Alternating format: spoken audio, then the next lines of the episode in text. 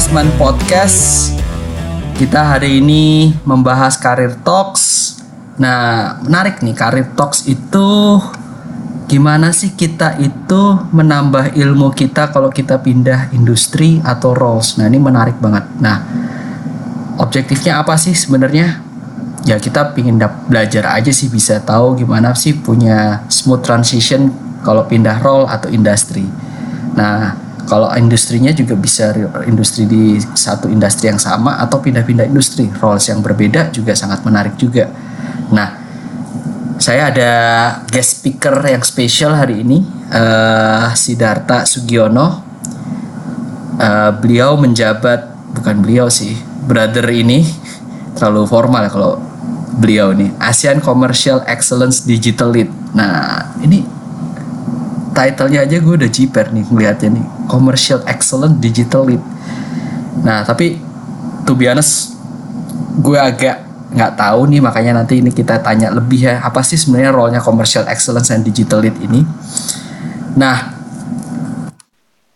kita lempar nih ke brother Sudiarta Sugiono nih. Panggilannya sit sit aja ya. Cie. boleh dong diintroduce? Halo, brother sit oh, tipis. Yeah, gimana nih? Apa kabar? Baik, sehat-sehat lah ya. Zaman ini sehat paling mahal harganya. Iya, betul, betul banget. Sehat mahal, mahal- paling mahal harganya dan waktu sih dua itu doang sih.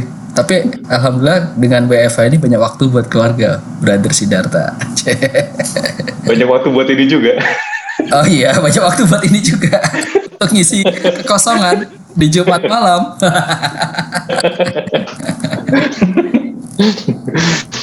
Oke, Brother, oke. Karir journey lo nih menarik banget ya. Ini kita ngomongin soal karir talks nih, moving different roles sama industri.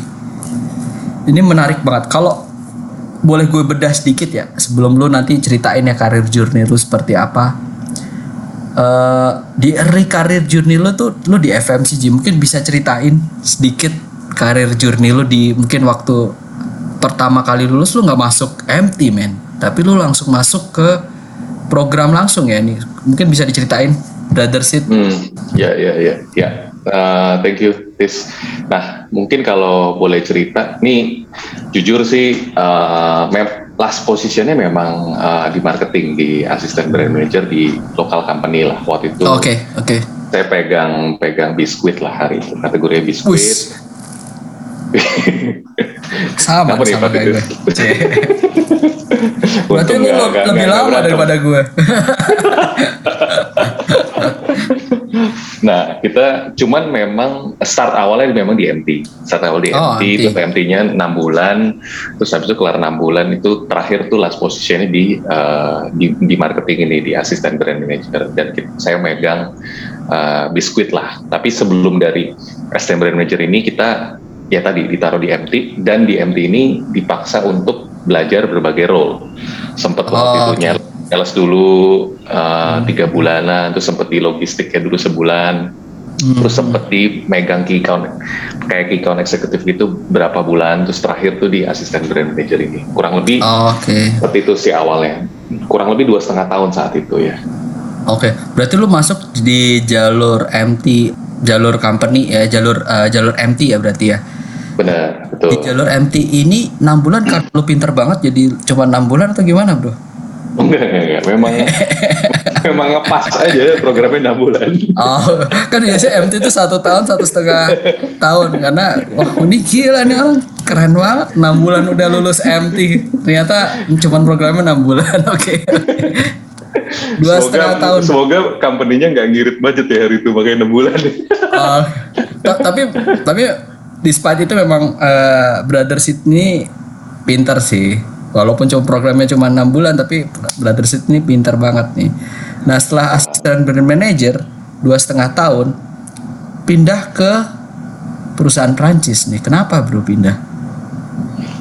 Eh, hari itu sebenarnya saya lebih kalau jujur ya kalau kita ngomong jujur di zaman saya waktu awal-awal karir itu kerja di perusahaan multinasional itu impian ya Oh. Saya belum nggak pernah nggak nggak nggak pernah ngerasain kan. Sedangkan saya jujur saya sempat jealous hari itu sama teman-teman saya lah. Teman-teman okay. saya ada yang kerja di perusahaan Belanda, ada yang kerja di perusahaan Amerika. Wah ini saya oh. mungkin ke, saya kerja di perusahaan di Jakarta di sisi satu sisi Jakarta gitu. Nah ini oh, okay. beda nih rasanya gimana ya. Coba pengen ngerasain perusahaan yang mungkin orang ngerasa lebih seksi gitu. Pengen ngerasain lah kayak gimana gitu. Oh, Jujur waktu itu lebih di situ tujuannya. Tapi gue gue gue agak-agak ini sih udah dari marketing pindah ke ini bisa dibilang lah key account modern trade ya bener nggak sih di posisi ini? hari itu uh, lebih ke trade marketing ya. Uh, trade marketing kan? Trade marketing, tapi lebih uh, lebih di modern trade ya, channel modern trade. Sebenarnya kalau oh. ditanya, udah ada pergeseran role tuh sama sebelumnya. Sebelumnya kan hmm. kan marketing dan ini sini udah uh, di trade marketing lah. Tapi itu kan agak beda kan. Uh, dulu sempat kita bahas di podcast memang orang brand marketing atau memang brand marketing di local company itu lebih lebih trade marketing dibanding uh, multinational company. Hmm, itu bener banget, uh, Bro Titis. Jadi kalau saya jujur waktu zaman itu tahun ini di kurang lebih tahun 2007 ya, hmm. uh, 2006-2007 yang saya rasakan di local company marketingnya itu gak sedikit kecampur sama trade marketing. Jadi udah marketing oh, itu agak okay. sales driven banget lah. Mungkin beda sama beberapa MN multinational company yang marketingnya benar-benar lebih KPI-nya lebih gimana yeah. nge-shape brand itu, brand diamondnya mau seperti apa, brand purpose seperti apa. Hari itu sih yang saya rasain kalau di local company malah lebih lebih ngegasnya lebih ini jualannya berapa ya minggu ini ini oh, stok distributornya gimana jadi agak kecampur jadi sebenarnya hari itu pergantian role dari sisi title iya, tapi sebenarnya mungkin transisinya nggak terlalu kaget gitu kalau buat saya itu. Oke, oke, oke. Transisinya secara culture pindah dari lokal ke multinasional gimana, Bro? Ini kalau hari itu karena lokal ya, lokal mungkin kan uh, budayanya juga agak sedikit lumayan uh, yang saya rasakan ke ke multinasional ke French company sini yang pasti beda banget. Ini lebih lebih speak up-nya lebih berasa ya kalau company-company yang MNC ini lebih kita lebih bisa ngomong, lebih bisa lebih bisa malah di expect untuk bisa ngomong gitu.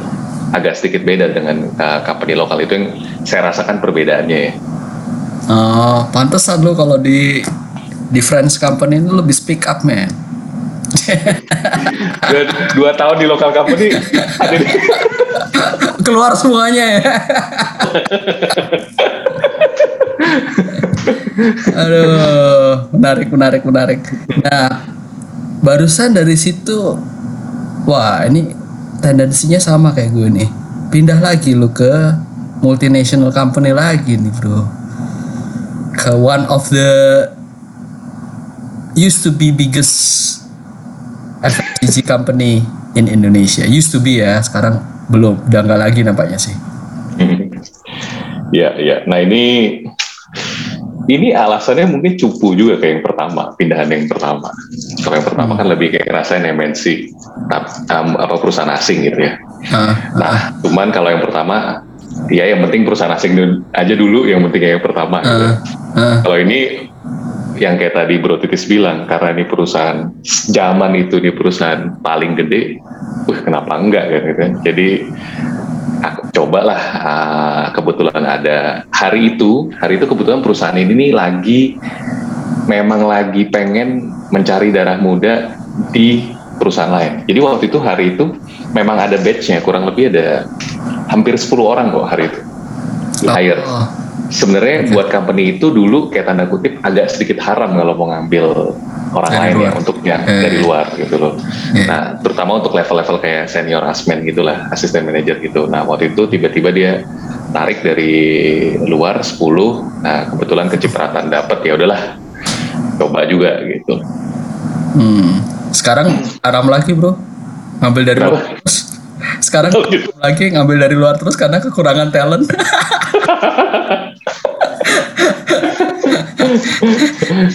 Wah tapi tapi menariknya di sini adalah pindah dari perusahaan uh, industrinya kan uh, air ya. Air bisa bilang beverage lah bisa dibilang gitu. Hmm, hmm. Eh, personal care bro. Itu secara kerjaan sama aja atau secara industri beda? Gimana adaptasinya? Industri beda ya. Jadi mungkin kalau kita ngomong secara eh, apa namanya eh, bisnis saja beda. Nggak, kita nggak usah ngomong jauh-jauh dari ini dulu deh. Dari bisnis proses saja udah beda lah. Yang yang Hmm. di beverage company itu di itu saya lebih perusahaan air minum Hmm. di beverage lain dan apa namanya dan lebih di modern trade. Karena di situ. Hmm. Kalau yang di, di deodoran ini saya pegang dua-duanya udah GT sama modern. Terms of logikanya kalau saya bilang sih tetap sama. Eh, Nggak terlalu beda jauh lah, nggak terlalu beda. Memang eh, kalau kita mau pindah seperti ini, jangan lupa kita terus mau belajar. Gimana pun juga pasti kan ya beda, cara baca datanya juga beda, gayanya Hmm. juga mungkin gimana beda, gaya-gaya orang-orangnya pun nggak sama. Kita kan juga mesti uh, melakukan penyesuaian ya terhadap itu. Hmm. Bosnya juga beda bro Bosnya juga beda. Kok kayaknya kayaknya yang kenal yang mana ya? Yang yang deodoran.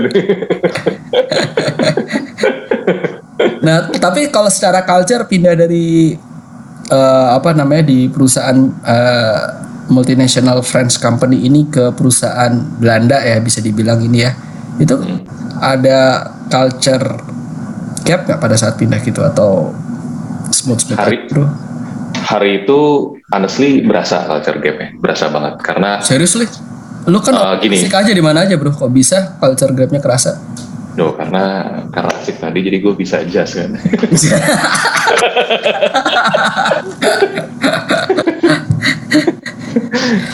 nah sebenarnya berasa gini dari bisnis size aja sebenarnya dari yang French company sama Deodoran ini kan cukup jauh sebenarnya. Kita bisa bandingin cukup jauh. Secara jumlah orang aja tuh beda banget.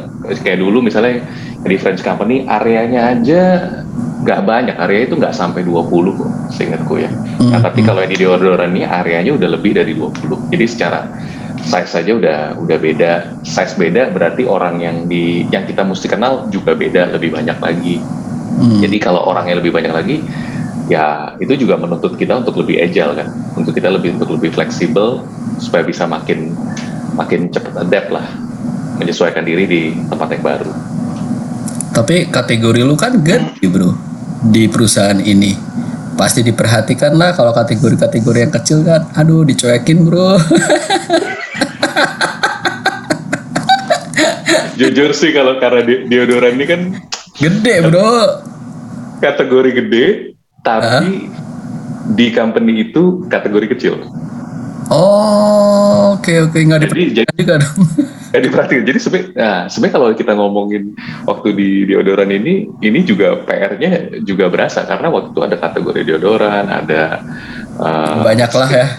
cleansing dan lain-lain itu. Nah ini kategori ya kita bisa bayangin lah orang pakai sabun sama orang pakai deodoran pasti banyakkan sabun pasti kan. Iya iya. iya. Apalagi dulu mungkin jarang ya orang pakai deodoran kan. Jarang betul. Iya iya iya. iya. Bes bau kan.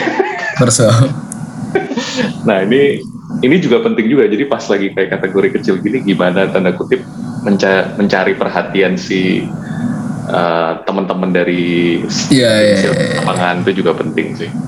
Betul betul. Gue gue udah pernah merasakan karena mungkin gue dulu juga di company yang sama tapi mungkin sister company-nya gitu yang kategorinya juga kecil gitu ya memang susah men. Tapi ya itu nature-nya orang sales kan. Pasti dia akan milih Pareto kategori Iya, kan. Ya like it or not lah ya.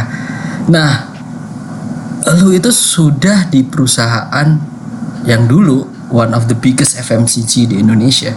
Tapi lu masih pindah juga ke kategori oral care men. Tapi different company ya. Kenapa bro tapi ini satu nanti gue tanyakan setelah ini tapi lu jawab dulu deh bro. Kalau yang ini saya jujur lagi lagi BU lah hari itu. oh. Aduh, ini anes banget bro. Ini dari antara semua pindahan ini yang BU tuh yang yang setelah dari deodoran ini. Ini yang BU lah kalau saya ngomong jujur lah. Tapi oh. kalau buat saya sih kalau buat saya nggak perlu malu juga untuk mengakui bahkan kalau orang pindah saya yakin salah satu parameternya Iya, juga benar, itu juga uh, kita juga nggak perlu malu uh, Hmm. bahkan kadang-kadang nutup nutupin ujungnya nego gajinya juga susah company juga malah bete Iya, iya, iya. Ta- Tapi tapi gue bingung bukannya lo di company yang sebelumnya atau di one of the biggest FMCG company itu lo lo udah dapat ho- house allowance bro? itu, itu kalau gue ambil house allowance itu di locknya agak lama Oke. jadi gue nyicil sendiri Jujur sendiri. Oke, lagi BU. Oke. Tapi Anos men, gua gua gua gua respect banget bilang BU men itu.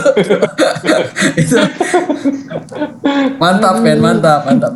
Terus gimana men? Ini pindah lagi tapi masih dalam personal care gampang lah ya harusnya men.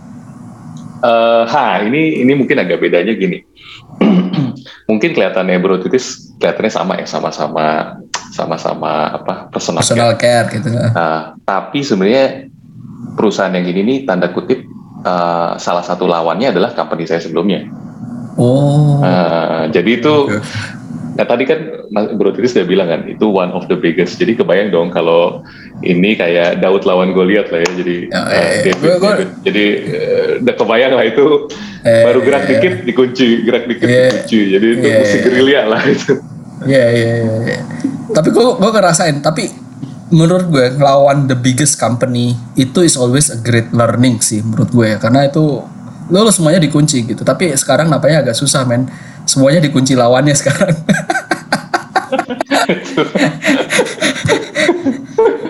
betul betul betul. Banyak Gitu. belajar dan akhirnya mau nggak mau jadi kreatif kan. Iya iya ba- banyak banget banyak banget gue belajar. Gue juga em, untung kita nggak pernah ketemu men. Lo di biskuit pernah. Gue sekarang di biskuit kita nggak ketemu. Lu pernah masuk ke Deo, gue juga pernah di kategori personal care Deo juga kan. Tapi untung nggak ketemu men. Itu gue bersyukur banget men. Kalau ketemu kita mungkin bakal ini sih, bakal ini bakal seru nih. Tapi nggak lah, untung nggak ketemu kita ya. Kalaupun ketemu di hire aja di timnya Pak Bro. Yes. Nggak apa-apa. Kan itu salah satu cara untuk kompetisi juga bisa begitu. Iya. Di hire aja. Ini dia nih. Setelah itu di oral care ini menyimpang banget nih ke one of the controversial industry nih. Kenapa, Bro? Dan lo pindah ikut program lagi. Program dalam arti bukan manajemen trainee ya, tapi lebih ke arah eh, leadership programnya ya kalau nggak salah. Mungkin bisa diceritakan, Bro, Bro Sid. Sebenarnya gini sih, eh, hari itu kenapa saya memutuskan untuk coba yang perusahaan Tobacco ini. eh, pertama, saya ngerasa role yang nanti akan saya ambil ini akan mencoba melengkapi profil gua. Itu yang rasain. Kapinya gimana sih?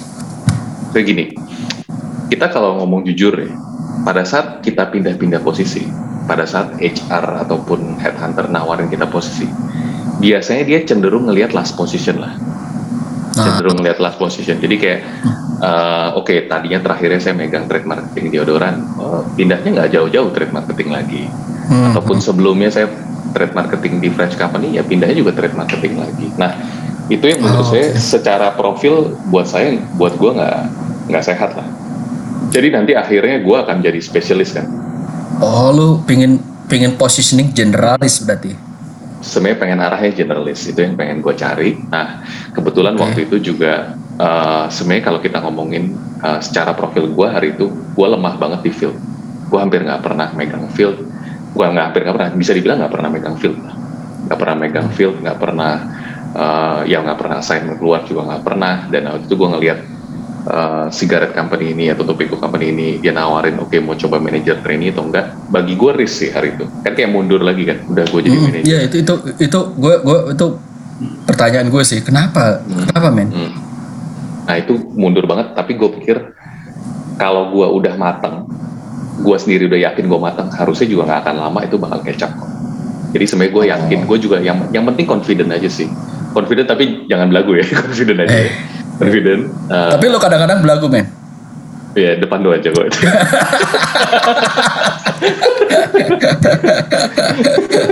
Gak gak benar benar benar benar. Filosofi lo adalah mundur untuk yang lebih besar ke depannya gitu men ya. Iya iya kurang lebih gitu bahasa bahasa ini ya. Jadi Oke oke. uh, gue pikir ya udah gue cobalah ambil manajer trainee. Hari itu juga gue sebenarnya takut juga. Ibaratnya kayak dan pas gue masuk pun ternyata itu ada batchnya juga dan batch yang lain itu orangnya lebih kecil-kecil dari gue, lebih muda dari gue. Dan hari itu gue sempet sempet ini sih, wah anjir lebih muda-muda lagi ya, ini gimana nih? Pasti tenaga lebih lebih ini gitu kan. Lah. Ya, tapi tapi untungnya survive lah. Ini sama, gue gue juga mengalami yang sama. Dulu waktu gue pertama kali kerja, gue kebetulan nggak ikut manajemen trainee, gue masuk eh, salah satu eh, internship, terus habis itu gue masuk ke posisi marketing eksekutif di salah satu personal care kategori juga. Eh, nah, tapi gue decide untuk masuk manajemen trainee lagi, men. Ah, Oke. Di cigarette industry juga, men. Kita tuh karirnya hampir sama mirip-mirip gitu ya. Tapi kalau gue fail sih di manajemen itu, nggak lulus gue. Serius. Serius men, gak lulus. Tapi untungnya mereka kasih posisi gue di di salah satu trade planning gitu. Tapi intinya sih gue udah lewat di manajemen tradingnya gitu. Ya, Wah. nah, Sakit juga ya. sakit men, tapi nggak apa-apa men. Itu namanya juga pengalaman hidup bro. Itu perusahaannya masih sakit juga kan sampai sekarang kan? Eh, sudah sadar kalau dia sakit mungkin. ya begitulah Bran. Nah, tapi lu menarik di ini lu agak lama nih, men. Ini mungkin the longest waktu. Benar-benar nih paling lama.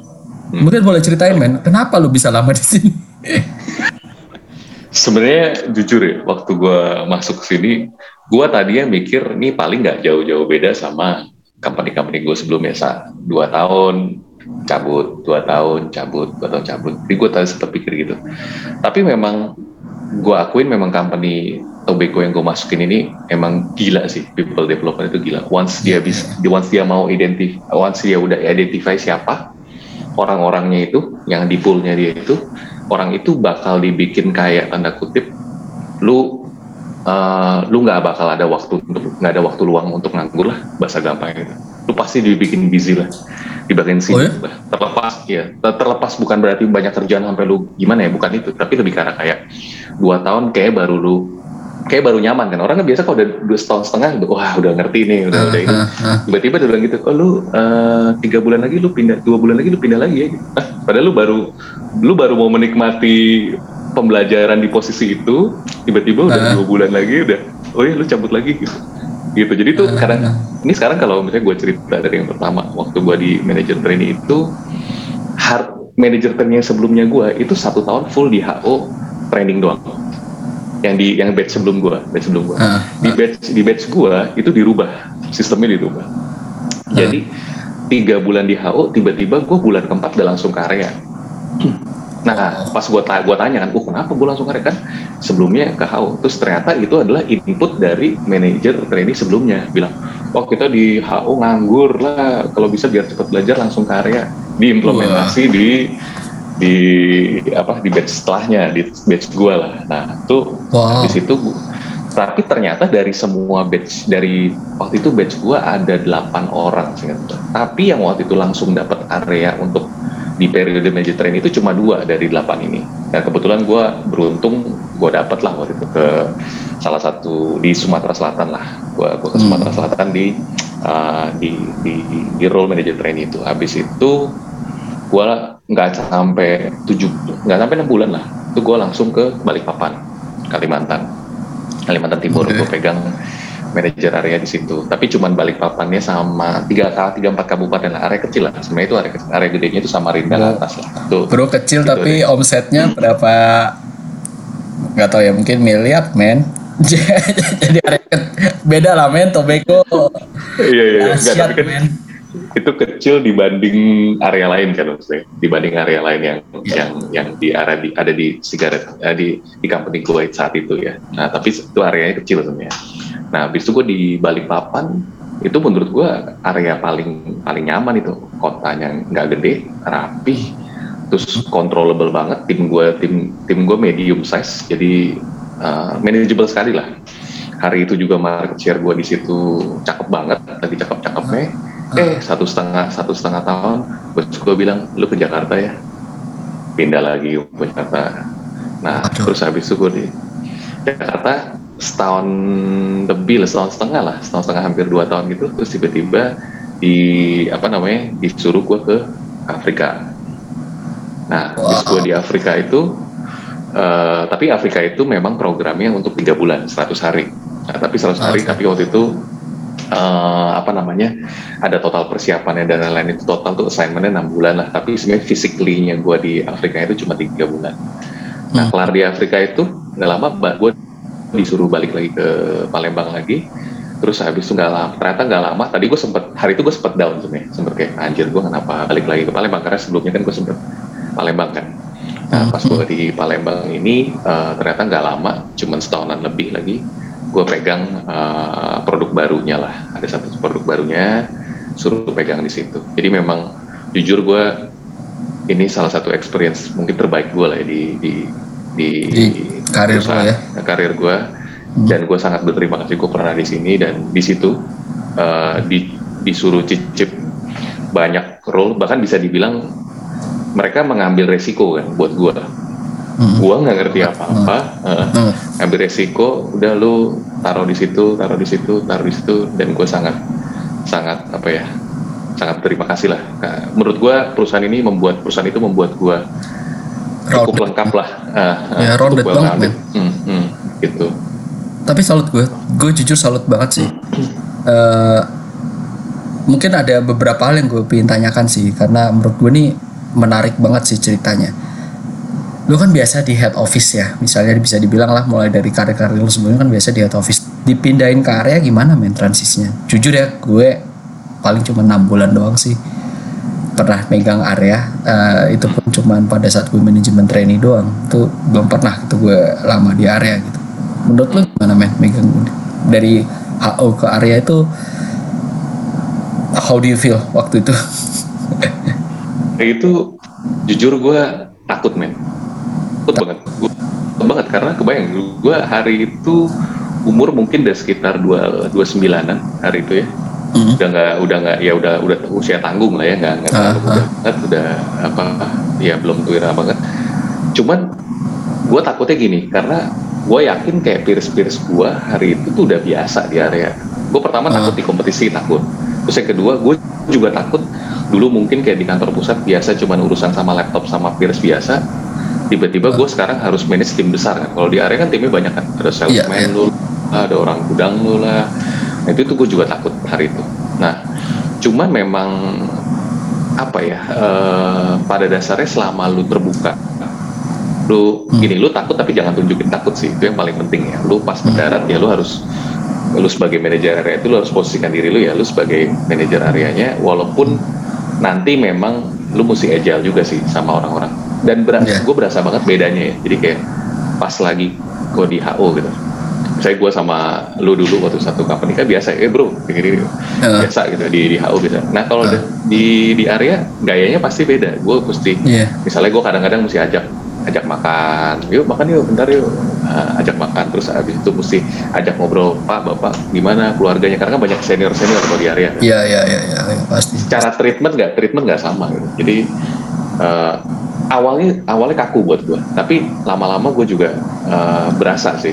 Nanti bisa sensing sendiri sih. Lu bisa rasakan sendiri gimana supaya lu bisa deket sama tim lu. Gitu. Itu tuh nanti lu berasa. Misalnya lu kayak ya tadi eh, ajak ngobrol. Dan ajak ngobrol gak harus semua tentang bisnis kan. Bisa ajak ngobrol Hmm. kayak keluarga keluarga lu gimana. Apalagi Hmm. senior.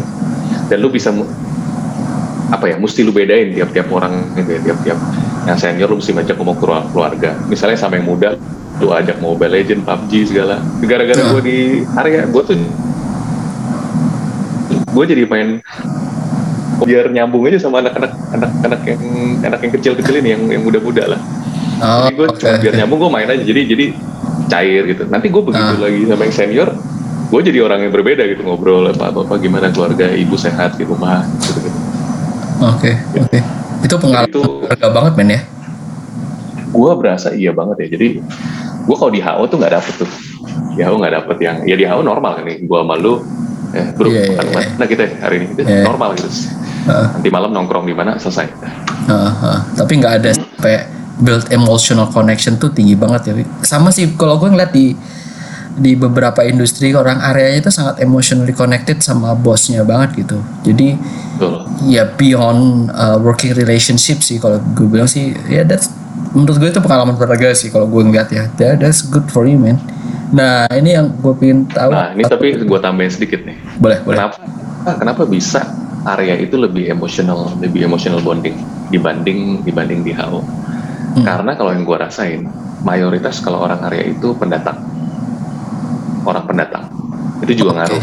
Nah, Oke. jadi kayak misalnya kayak di Sumatera Selatan gitu, ya kadang-kadang nggak cuma dari kota Palembang ya, tapi bisa Ah. dari pinggir-pinggiran kabupaten yang yang jauh-jauh oke kapan datang jadi akhirnya ya bisa jadi dia nggak ada keluarga juga di situ jadi kantor itu benar-benar keluarga buat dia itu juga tak- beda kalau kita di HO kan. Kalau di HO kan ya ya dan Rata-rata lu udah punya keluarga sendiri lu ah, ah, keluarga sendiri. Hati kalau bikin keluarga baru di kantor iya iya iya nggak boleh. Jangan jangan. Jangan jangan jangan nah tapi lu di area itu juga eh satu hal yang gue sempat walaupun cuma sebentar lah gue di area itu gue yang shaping adalah tactical things itu di lapangan tuh banyak yang lu bisa apa ya dapetin gitu nggak nggak lu nggak akan dapetin itu di HO gitu bener bener bener bener gak? ya kalau gue ngomong jujur anda mesti aja lah kalau kita tapi mungkin ya kalau ya HO taunya ya sebatas yang dia tahu aja nggak perlu tahu semua juga kan Ya, yang penting kan angkanya nyampe bro Iya. kalau nggak nyampe udah ngelanggar pusing Iya iya. Pusing kalau itu. Nah, ada dua lagi sih ini, ini karena memang ini menurut gue sih eh, pengalaman berharga banget ya di di cigarette industry ini. Lu sempat short term assignment di Afrika. Itu menurut gue sih jarang ada company yang bisa punya short term assignment kayak gitu. Nah, dan punya bodyguard juga di situ tuh. Gimana men? Bukan gimana rasanya punya bodyguard ya, tapi gimana rasanya kerja di Afrika men? Bisa lu share? hari itu sebenarnya gini sih ini mungkin eh, buat gue sih itu balik lagi ini salah satu pengalaman yang menurut gue luar biasa banget. Dan kalau gue bisa cerita hari itu gue juga takut. Takut sama takutnya kayak pas gue dari HO ke area sama juga ini kan udah keluarga di jauh di Indonesia terus terus gue berangkat sendirian pula gitu kan. Nah tapi sebenarnya menurut gue yang bikin takut gini karena perusahaan gue itu sangat memperhatikan gue jadi gue hari itu sebenarnya ngerasa treatmentnya berlebihan gitu gue mau jujur karena kan karena dia sangat sayang ke ini Ah. jadi akhirnya jadi, jadi serba worry kan serba khawatir company oke jadi lu sebelum ke sana ini gue dapat training teroris ini men handle teroris tuh gimana Wow, keren banget men. Ya, jadi gue tuh sebelum pas mendarat itu gue dikasih panic button, dikasih panic button kayak kunci mobil gitu. Panic Ah. button itu once kalau gue klik itu itu akan ke track gue tuh ada di mana.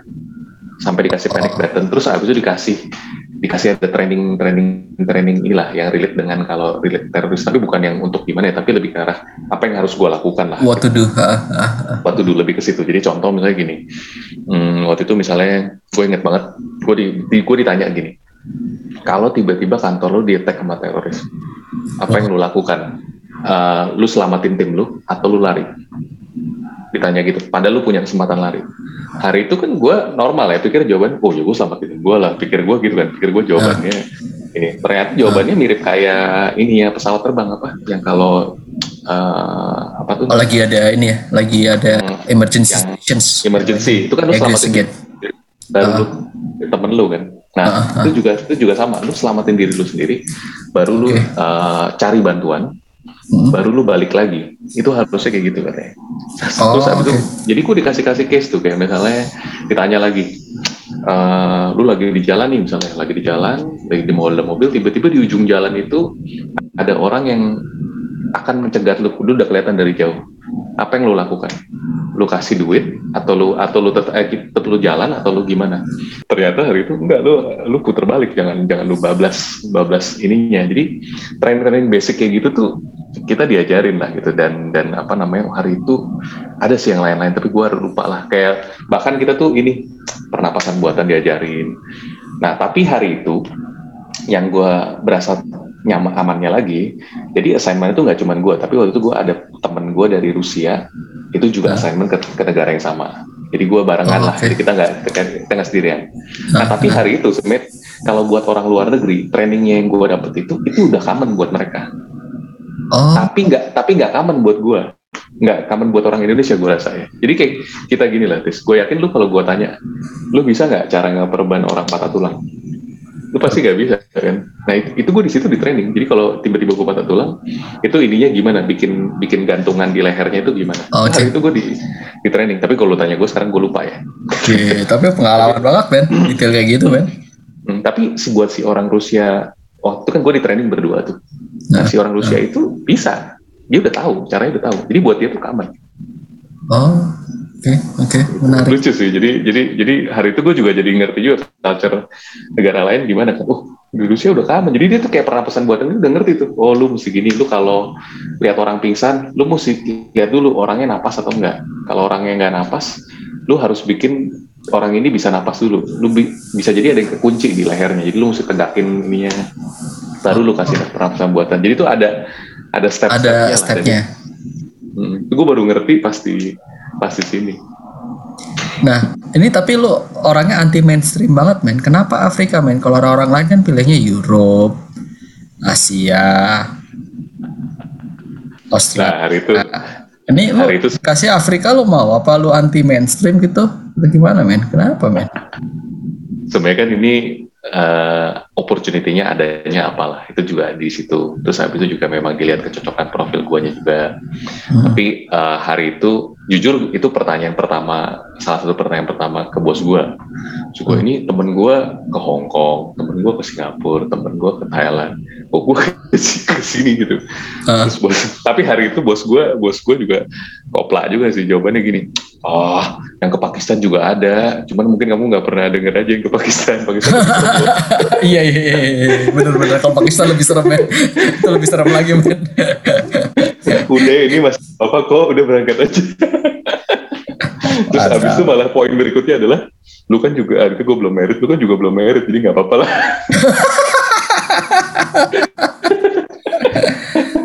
Wah, tapi pengalaman yang menarik, men.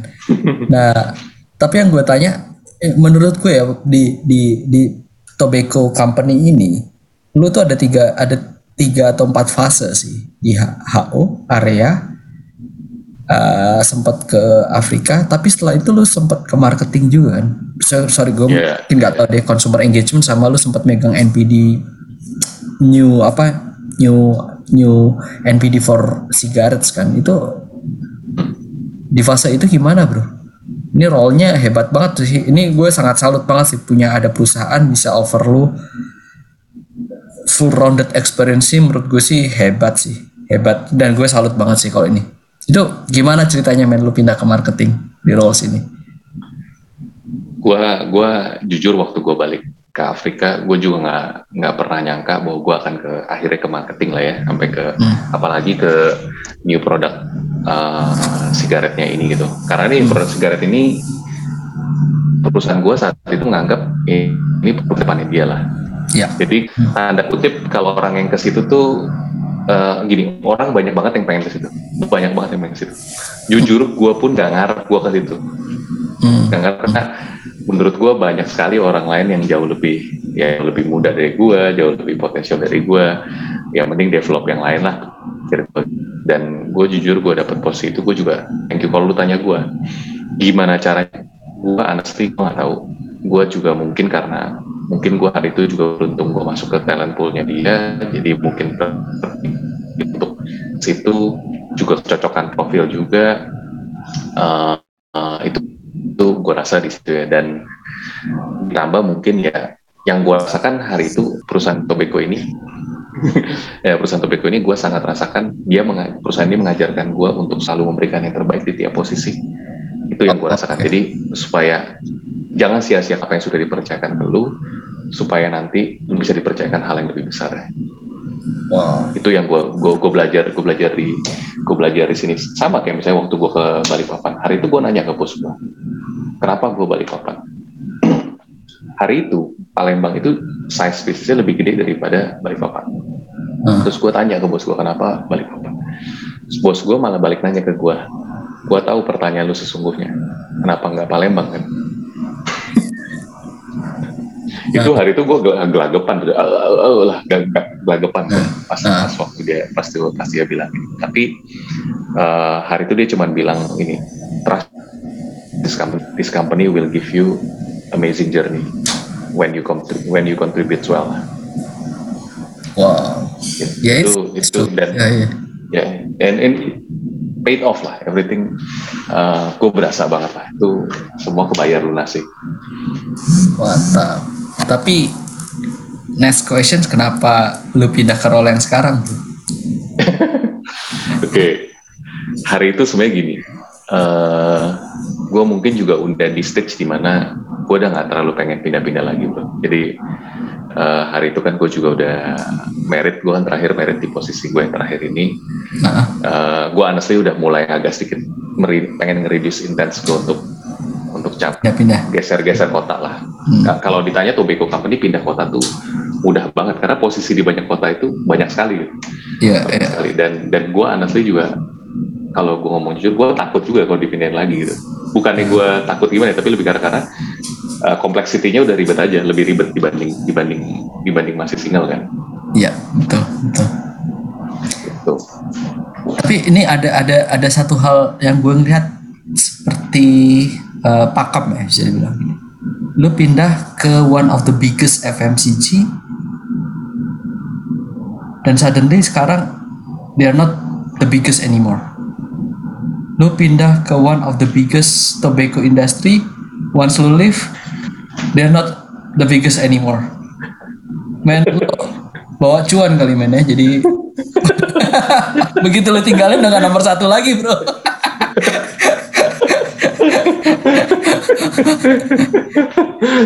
waduh Nah, it's just a superstitious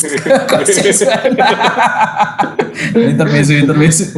Nah, lu boleh cerita gak bro di di role yang sekarang kayak gimana bro nih? Wah ini menurut gue commercial excellent, digital transformation head. Menurut gue kalau commercial excellence gue believe lu rounded lah bisa lah di situ. Digital transformation head gue nggak ngerti gimana kerjanya dan yang paling gue agak kaget lagi begitu gue dengar lu pindah adalah is indeed in the new industry which is not new ya sih agriculture industry yang totally different things gitu oke ini eh, mungkin gue cerita cerita dulu eh, proses gue kenapa bisa ke sini ya dulu lah ya. Ya ya ya, ya. itu hari itu memang kaget juga sih gue waktu headhunter telepon. Headhunter itu sebenarnya hari itu udah setengah desperate buat nyari buat nyari orang ini buat kandidat ini gitu. karena waktu itu requirement yang gue denger tuh gini. Per, harus pernah pegang industri yang regulasinya ketat. Itu satu oh nah oke. industri regulasinya ketat itu ya ya you know tobacco Mampus. industry is always ya sama pharmaceuticals pasti dua ya itu ya ya ya. terus yang kedua kalau bisa tuh GT-nya strong oh Nah, which is which is yang pharmaceutical Sigaret, company-nya ya. udah udah udah kesortir sedikit kan. Udah, iya. Walaupun mungkin ada yang kalau kita tanya ada brand-brand pharmaceuticals yang strong di GT juga ada. Gitu. Nah, Hmm. terus habis itu eh, requirement lagi tuh sebisa mungkin kuliahnya pernah chem, eh, ada berhubungan dengan chemical. agriculture Oke. oh oke Nah, nggak- nggak harus ini, tapi ada kimia-kimianya supaya nggak terlalu jet lag lah. oke Nah, gue oke. kebetulan karena gue dari IPB jadi eh, agak sedikit pas. Jadi dan yang terakhir requirementnya pernah tinggal di luar. Pernah Itu, itu kenapa di luar negeri, di luar negeri, luar negeri. Nah, mungkin karena ini ASEAN kali ya, karena ASEAN. Oh, oke. Oh iya, so- sorry sorry gue lupa. Ini role-nya Indonesia aja ASEAN men.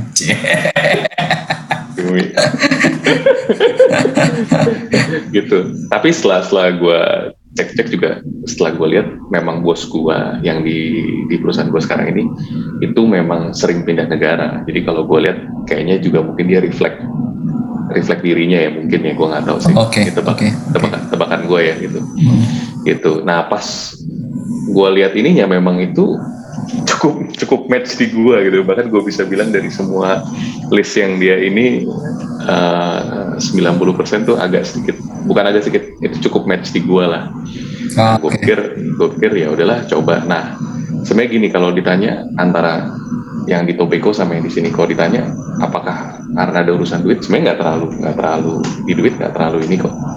Tapi sebenarnya gue juga ngelihat poolnya sih pool apa uh, pool faktornya di sana seperti apa gitu. Karena gini kalau gue tanya waktu itu gue di Tobacco gue ngerasa eh ya kom ya tadi gue takut balik lagi ke area lagi itu tuh gue takut. Hmm, tapi gue tahu memang opportunity area juga gede juga gitu hmm, hmm. nah, jadi gue kalau udah ngelimit poolnya kok di guanya jadi opportunity juga jadi mengecil kan sebenarnya kan Hmm. Nah itu jadi akhirnya ya udahlah gue pikir coba gue lihat di luar eh, apa dan setelah gue lihat juga memang poolnya memang gue rasa masih ada dan ini juga salah satu company yang gede juga sebenarnya Hmm. poolnya cukup cukup ada lah jadi gue pikir ya udah kenapa kenapa gue nggak coba dan agriculture kan sampai kapan pun orang akan butuh makan ya industri Yeah. cenderung, cenderung steady lah gitu, Hmm. gitu. Tapi kok nggak percaya sama lu bro? kenapa tuh kenapa Kalau tuh kalau kalau headhunternya ada desperate biasanya sih paketnya bagus.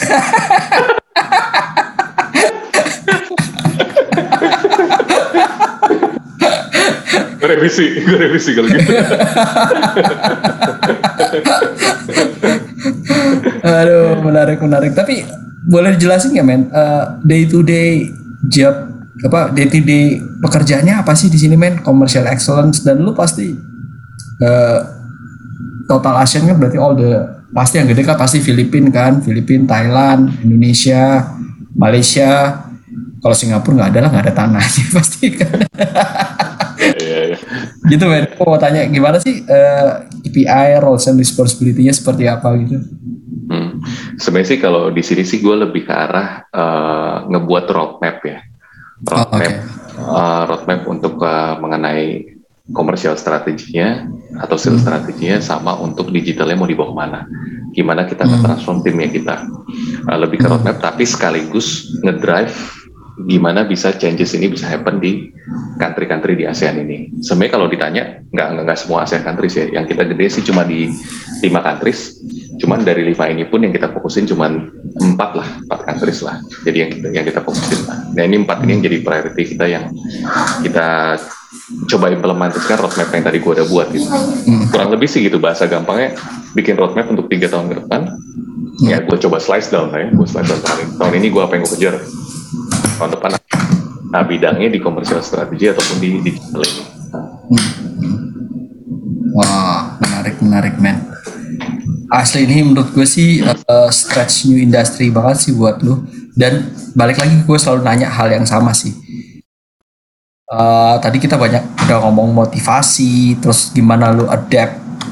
Nah, gue pengen tahu adaptasi lu di industri ini kan industri baru kan, buat lu banget kan. Itu gimana caranya? Ini gini, kalau buat industri baru adaptasi cara gimana yang pasti gini. Kalau ini buat buat siapa pun lah ya, gue yakin Bro Titis juga melakukan yang sama gitu ataupun siapa pun ya. Yang pertama jangan pernah malu sih.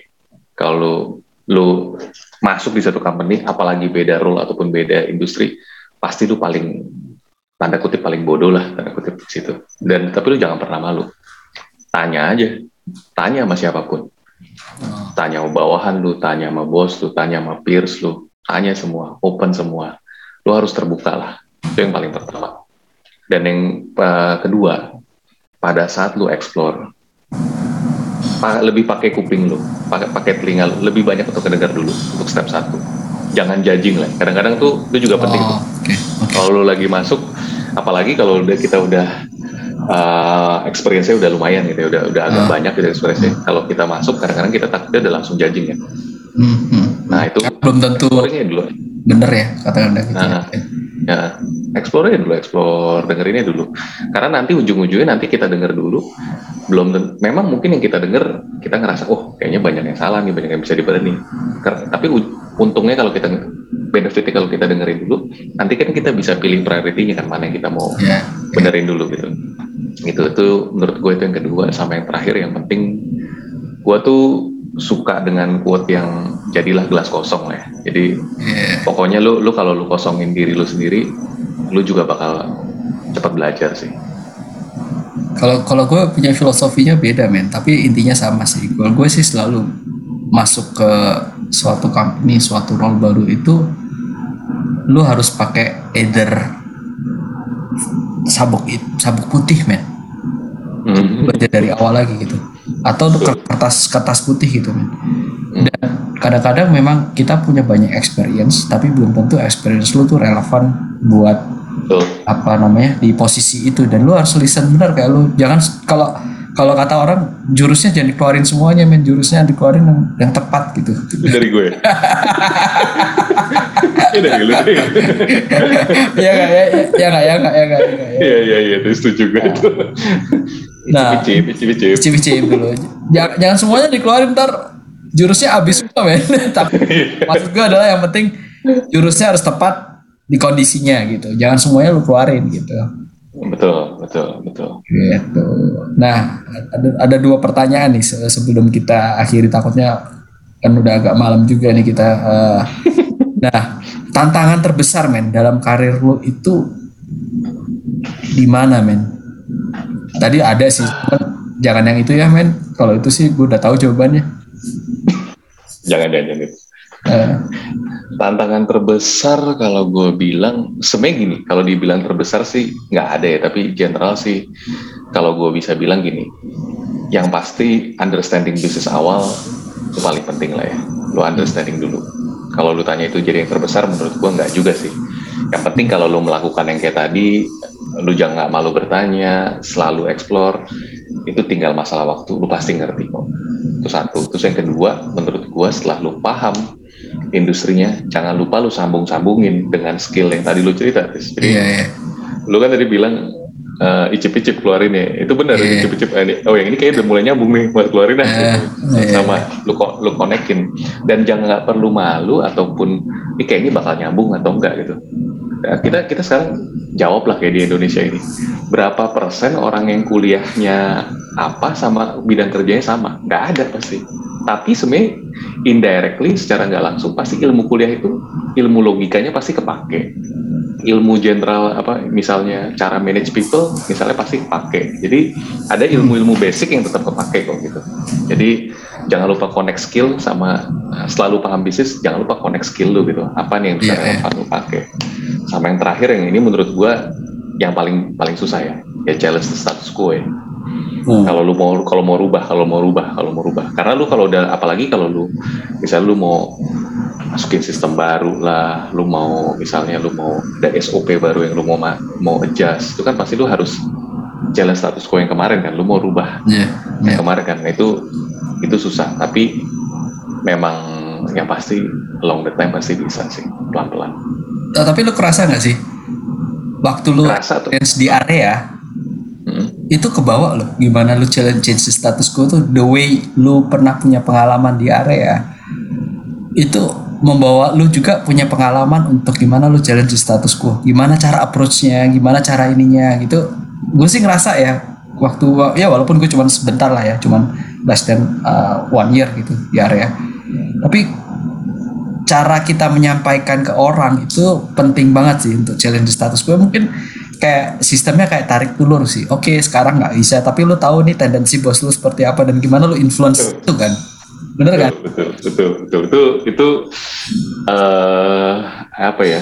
Timing tuh penting banget timing. Nanti lu kadang-kadang gini kalau mau masalah challenge status status quo nih kalau gue bilang kita tuh sangat perlu engage ke orang yang yang tepat ya itu itu itu lu misalnya lu udah ngeliat nih ada yang ada yang aneh gitu lu pasti nggak bisa ngomong ini ke semua orang pasti kan Iya, iya. namanya juga stat, challenge status quo pasti Ah, uh, majority pasti nggak suka gitu.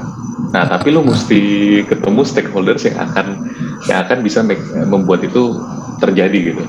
Itu tuh itu itu penting. Nanti ketemu siapa, uh, terus kebetulan orang yang mungkin inline juga, ada objektif yang dia bisa ini bantu. Nanti ntar dia bisa buka jalan ke mana. Ntar ntar rantainya kebuka semua tuh pelan-pelan. Tapi emang lama pasti, lama. ya itu tuh namanya stakeholders mapping man lu mapping Ya, sekali. Ya. who influence who gitu Yes, yes. yes. wah itu menarik pun itu gue juga ya sempet ini sih sempet sempet kayak uh, di company gue sekarang itu karena di role gue ini kan cukup mesti lu ngedrive ini kan. Ya pasti men. Pasti. Itu itu itu gue ada ada trainingnya ini. Jadi tadi lu bilang stakeholders mapping. Cuma dia tadi sama out itu kata-katanya apa ya? Gue lupa. Makanya uh, gue gue lupa kata-katanya sih. Tapi intinya sama. Hmm. Nah ini pertanyaan terakhir gue sebelum kita final statement nih. What's next for you man? Ini gue sebenarnya udah kalau ditanya ya. Uh, udah kalau nextnya kalau ditanya posisi gue menyerahkan ke perusahaan gue yang sekarang lah ya. Maksud gue perusahaannya cukup besar. Gue yakin dia juga akan memberikan surprise buat gue gue nggak tahu kapan. Ya gue akan gue akan uh, just contribute the well uh, contribution yang terbaik aja buat perusahaan ini. Itu pertama. Sama yang kedua gue sebenarnya pengen ngelihat tim sih ya. Pengen ngeliat tim gue growing. Maksud gue itu yang paling itu yang paling itu yang paling penting kan. Lu gue yakin kayak lu di posisi lu sekarang bro gue yakin lu juga pengen kan lihat tim lu. Yeah. jadi misalnya dari anak ah, dari supervisor jadi jadi manajer misalnya jadi ASM jadi RSS manager jadi regional manager misalnya. Itu juga gue pengen ngeliat ya jadi uh, ah, gue pengen lihat orang-orang tuh bisa growing tuh gimana. Gue sih kalau ditanya company sekarang gue belum bisa nge sih gimana cara orang tuh bisa pindah-pindah gue belum tahu sekarang. Hmm, hmm. cuman itu yang gue pengen lah atau minimal bisa minimal bisa nge-showcase tim gue lah ke keluar ya. Itu itu yang gue pengen pengen banget bisa gue lakukan sih. Gue jadi tim lo deh bro Terus gue mau nanya lu di sini. lu mau nanya apa? Lu mau nanya apa? Ada tempat kan tempat lu? gak lah men, gak lah men. Nah, tapi tapi menarik sih men. Ini lo ingat gak waktu kita ketemu di FX mungkin 7 atau 8 tahun yang lalu ya men? Ini lo beda banget. Next goals lu tuh beda banget. Tapi uh, ini banyak overlappingnya sih. Menurut gue banyak yang sama kayak kayak gue lah. Gue ngerasa yang gue belum achieve selama ini gue kerja adalah nyiapin succession plan. Hmm. Gimana lu pada saat lu pindah, lu ada yang gantiin? Karena mungkin gue terlalu cepet ya kali uh, pindah 2 3 tahun pindah nah. Tapi ini yang gue prepare adalah pada saat gue pindah nanti itu harus ada succession planningnya seperti apa dan succession planning itu bisa bawa ini tetap bisnis itu sustainable. Hmm Wah itu belum pernah gue. Tapi ya gue tuh pingin capai itu juga sih. Gitu itu yang something yang menurut gue penting banget karena ya bisa dibilang gue kutu loncat ya. Tapi ya itu belum pernah gue gue achieve sih. Nah itu mungkin another thing yang gue pengen dapetin sih gitu. Tapi ya itu juga sama sih ya. mirip lah ya. Jadi kita iya ya mirip. Lihat kok tim tuh karena tumbuh. gua kayak kayak ya, gua sih kayak ngelihat kayak tadi di perusahaan Tobeko yang tadi gua cerita. Company itu bisa seperti itu karena banyak perputaran di situ ya. Jadi akhirnya orang jadi nggak sempet. Dan kalau lu tahu juga gue gue yakin lu juga tahu company Tobeko itu kan turnovernya kecil sekali kan yeah. turnover kecil kecil yeah. banget. Itu kecil gila sih. Itu orang sakit lah. Company itu sakit sakitnya bagus ya gitu ya. sakit bagus. ya positif gitu ya. Tapi gue gue gue dengar itu wah gila ini I think that's the one of the best company sih kalau gue ngeliat ya. The way mereka bisa planning orang dan itu mungkin layak dipelajarin banget sih menurut gue dan ya pasti gue denger gini tuh gue akan implement ini sih. Karena bener sih kata lo kalau orang udah moving around kan orang akan ngerasa gue tuh enrich. Walaupun sebenarnya in the same level ya? Hmm, hmm. gitu. Oke okay, man mungkin kita harus di final statement karena takutnya kemalaman kita. Kita sudah tua men. Udah nggak kayak dulu lagi.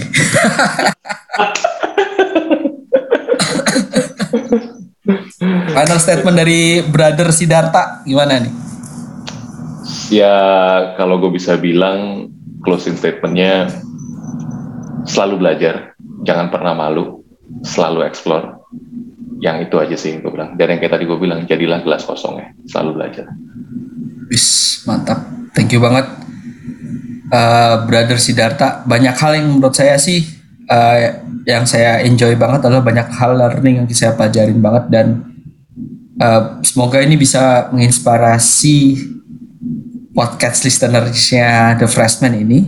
Dan thank you banget atas waktunya brother Sidarta sukses selalu dan saya yakin uh, masih banyak hal yang baru yang akan dipelajari di Senjata dan jangan lupa lupa sama gue. ya